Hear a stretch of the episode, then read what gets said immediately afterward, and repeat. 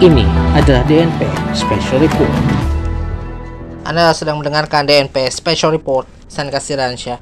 Presiden Joko Widodo akhirnya mengumumkan kenaikan harga bahan bakar minyak atau BBM mulai dari Pertalite, Solar, dan Pertamax.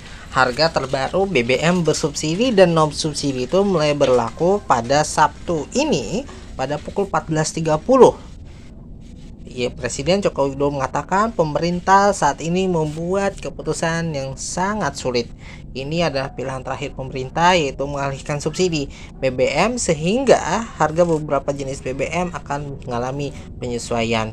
Menurut ujar Presiden Joko Widodo dalam jumpa pers di Istana Merdeka Sabtu.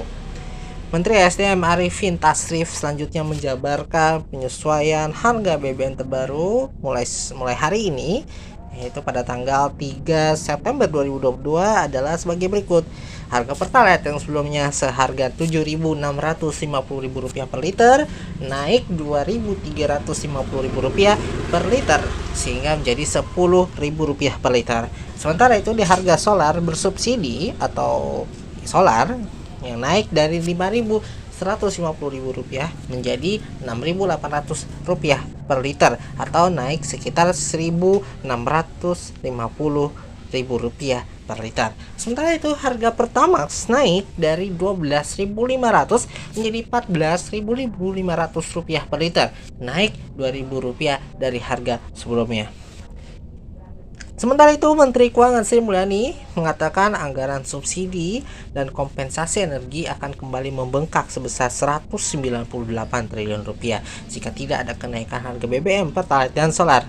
Yang mengatakan saat ini anggaran subsidi dan kompensasi energi untuk tahun 2022 ini dipatok sebesar 502,4 triliun rupiah.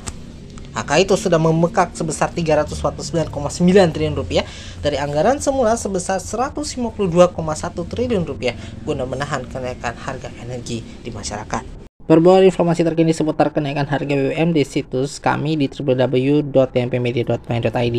Saya kasih dan terima kasih telah mendengarkan DNP Special Report.